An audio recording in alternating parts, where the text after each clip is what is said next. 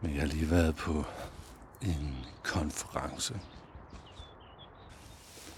hvor vi har arbejdet med selvindsigter, nærvær.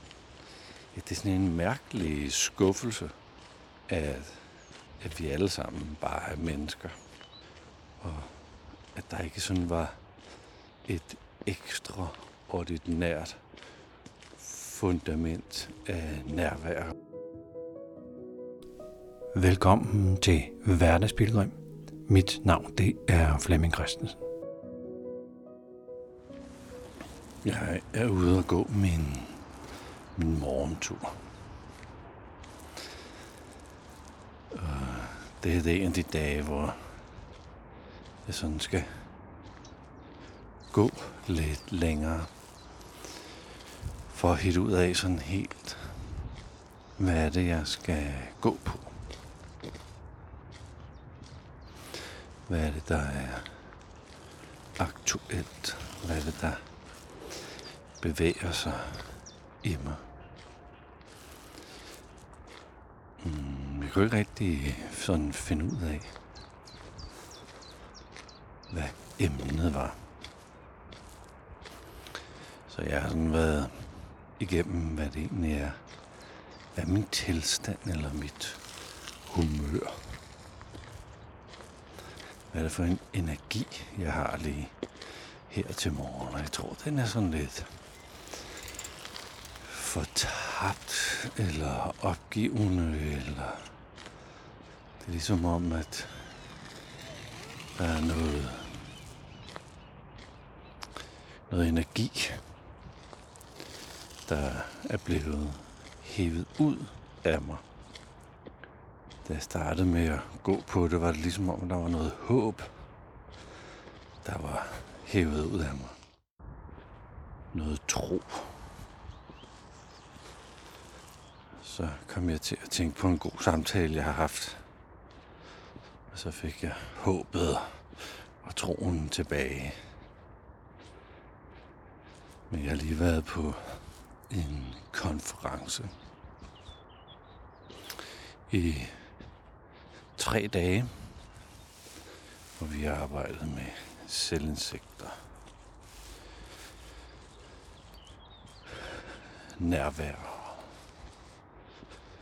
forskellige relationer til det at være nærværende over for sig selv, eller i sit parforhold, eller arbejdsmæssigt, eller også historien tilbage til hvad øh,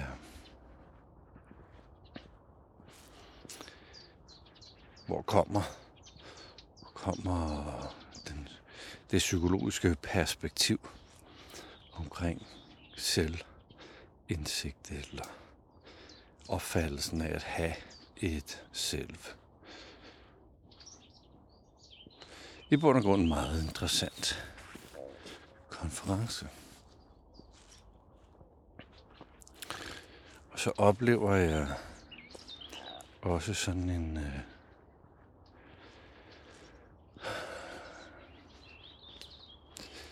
at alle dem, der er på konferencen, også er alle sammen,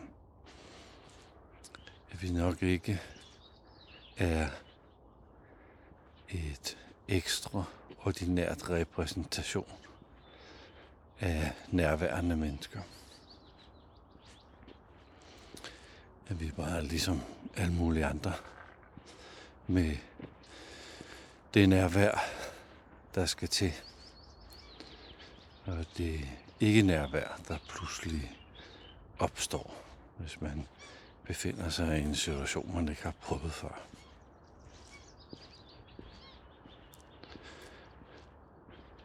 Hvor hurtigt egoet kan føle sig truet. Og hvordan man så som menneske forsvarer sig. Det er sådan lige i, i de små, hvor jeg selv ikke rigtig kan være i en situation, hvor nogen kommer hen og siger, at det indlæg, jeg holdt, at det var, det var godt. Det, jeg, jeg hørte det næsten ikke. Der er, ligesom, der er ligesom lukket ned for den positive feedback. Nogle gange ville det i mit tilfælde være dejligere, hvis nogen kom og sagde, ah, den sad ikke lige i skabet. Øh, man kunne have en snak om det, det så kunne jeg gå lidt praktisk til det. Men det at være, være derinde i det der emotionelle rum. Og nogen siger, nej, det var godt. Det er sådan, nej, men tak. Så. Jeg kan høre, at jeg mange gange sådan flytter den over på, nå, men øh, du stillede også nogle gode spørgsmål, og tak fordi, at du holdt den gode energi, energi i, i lokalerne. Tak for det her. Jeg sender ligesom takken tilbage, i stedet for at tage den ind til, ja, det kan jo sig op i alle mulige måder, man lynhurtigt smutter ud af sit nærvær eller kontakt med sig selv. Og det er sådan en... Øh, ja, det er sådan en mærkelig skuffelse, at, at vi alle sammen bare er mennesker. Og at der ikke sådan var et ekstraordinært fundament af nærvær og tilstedelse. Nu går jeg og tænker på, hvis nu man er til en yoga-konference. Jeg ved, hvor mange der så egentlig ved, hvad yoga er. I forhold til dem, der går op i at kunne lave de fysiske, gymnastiske bevægelser. Og dermed overhovedet ikke har luret, hvad yogaen er. Eller en psykologikonference. Hvor størstedelen sikkert godt kunne bruge en psykolog selv. Så det er måske nok meget naturligt, at man bliver mega spejlet i så stor en gruppe mennesker. Men jeg tror, det var det, der sådan har præget mig på dagen. Og da jeg sådan var ude og gå og forsøgte at finde det frem, jeg nu skulle gå på, så kom jeg til at tænke på en helt fantastisk samtale, jeg havde med en, der hedder Susan Olsek, som arbejder på det, der hedder Grand Prison Project, som er,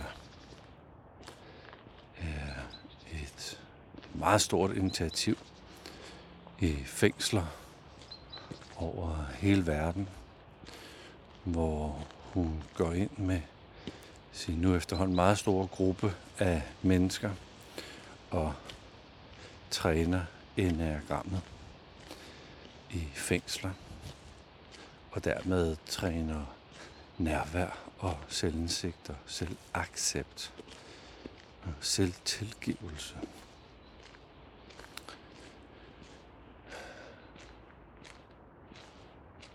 Og jeg deler sådan lidt min frustration hvor hun sådan deler en masse en masse spændende indsigter, hun selv har haft. Og det, jeg ligesom kan tillade mig at give videre her, er, at, at vi andre, hvis man kan sige det sådan, os der ikke sidder mange år, eller sidder i fængsel med mange år forude, hvor vi ikke skal ud, vi har et særligt forhold til tid, hvor vi synes, der er noget, vi skal nå. Og tiden gør, at vi sådan, vi burde have lært et eller andet, eller med den alder, vi har, så burde det her da været forstået, eller i alle de år, man har arbejdet med i det her tilfælde enagrammet, så burde man da, eller andre burde. Og Der er noget, jeg skal nå at kunne. Der er noget, jeg skal nå at levere. Så tid er for rigtig mange af os bundet op med en eller anden positiv eller negativ oplevelse. Og tiden bruges som sådan en målestok, hvor man, hvor man skal noget på noget bestemt tid. Gymnasieelever skal på bestemt stum tid nå, nå noget bestemt. I dag skal jeg nå nogle bestemte ting. Og alle de ting, mm, der nu skal nås, må meget gerne være på et eller andet bestemt niveau. For gode kvalitet, for gode karakterer, levere god kvalitet, få god feedback eller kundetilfredshed, eller hvad man nu skal kalde det så. Så tiden gør, at man skal nå noget, men det skal også være målbart, og scoren skal være høj, når man måler. Skal have gode karakterer. Hvor hun siger, jamen, når man sidder i fængsel, så er tid noget, man har masser af. Og det tog hende noget tid at, at forstå den der tidsfornemmelse, at der er ingen grund til at skynde sig. Der er ingen grund til at, at evaluere sig selv. Der er ingen grund til at dele noget som helst. Forstå noget som helst. Være i relation med nogen som helst. Og jeg spurgte ham, om det var sådan en øh, opgivenhed, så nu er det også lige meget. Nu hiver jeg bare alle sikringer ud i min personlighed og lad det bare være, whatever. Det var sådan, nej, det er ikke sådan, det er ikke opgivende.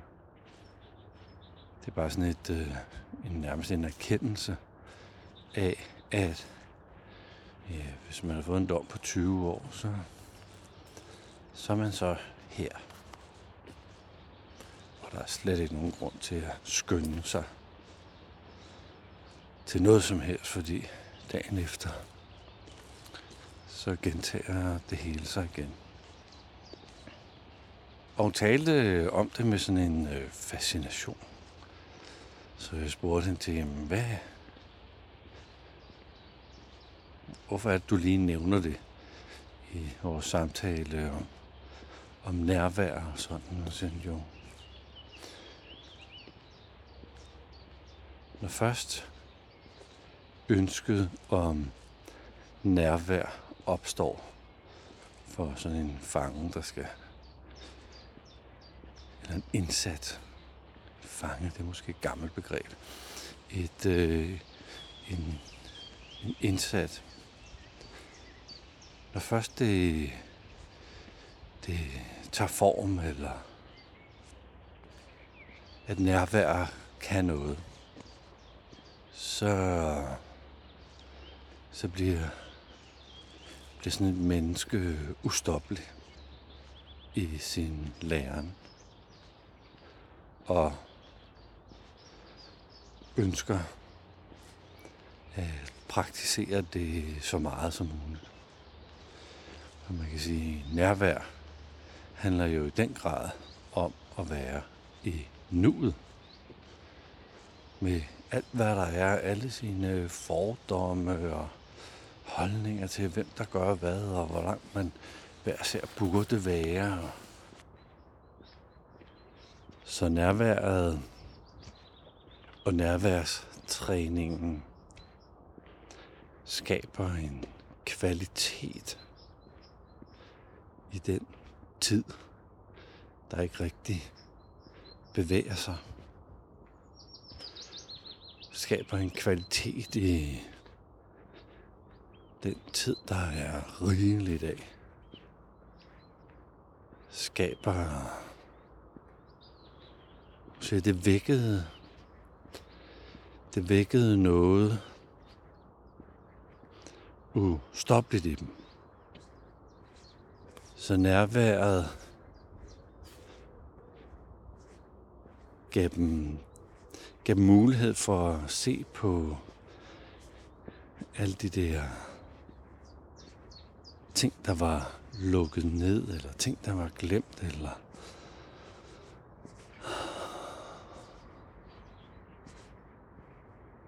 og nærværet gav kvaliteten af nuet tilbage.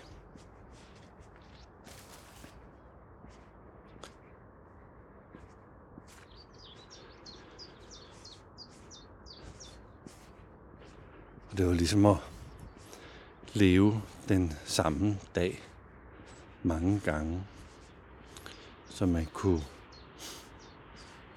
kunne starte med at udleve sine følelser, sin afmagt og fortabthed og vrede og skuffelse, manglende selvaccept, så man kunne, man kunne arbejde det igennem. Og lige pludselig, den dag, der så var ligesom de første, hvad ved jeg, 500 eller 100 eller 5000 eller hvor langt man nu var kommet. Og man havde dyrket nærværstræning nærmest hver eneste øjeblik. Så begyndte man at se det smukke i andre mennesker. Og der ikke var noget, de burde have nået, eller burde have gjort.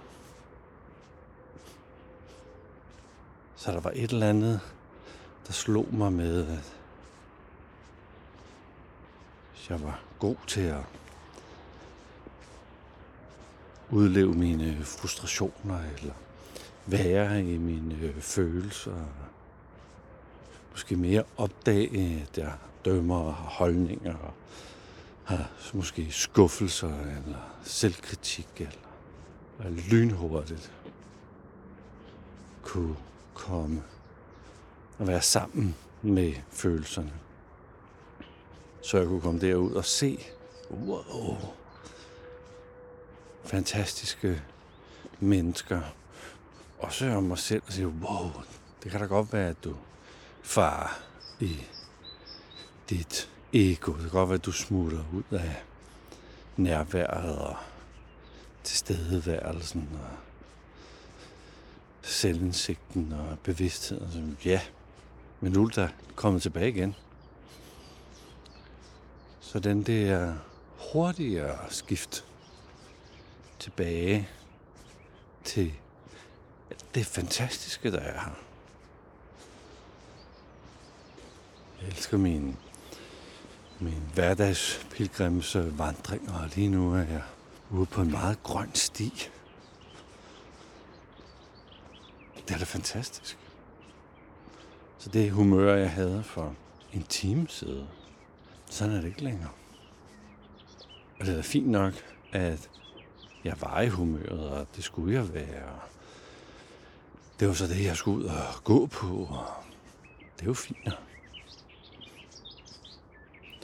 Og nærmest samtidig, altså inden for en time i hvert fald, men nærmest samtidig, så opdager jeg også det fantastiske, det smukke,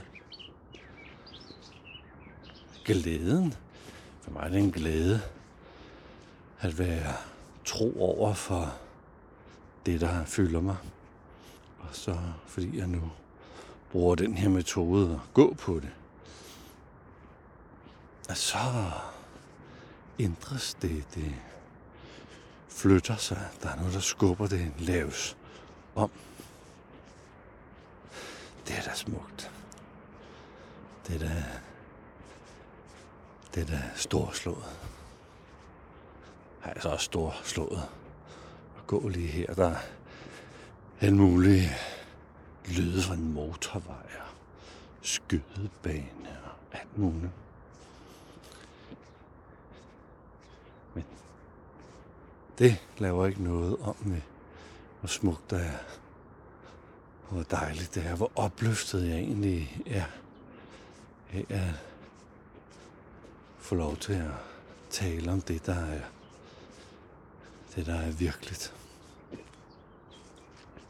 Så den der bevægelse af at, at være i en følelse, eller opdage, at jeg vurderer mig selv, eller jeg vurderer andre, eller til, ja, det gør vi sgu nok alle sammen. Så når du har været med det, og integreret med det, Flemming, så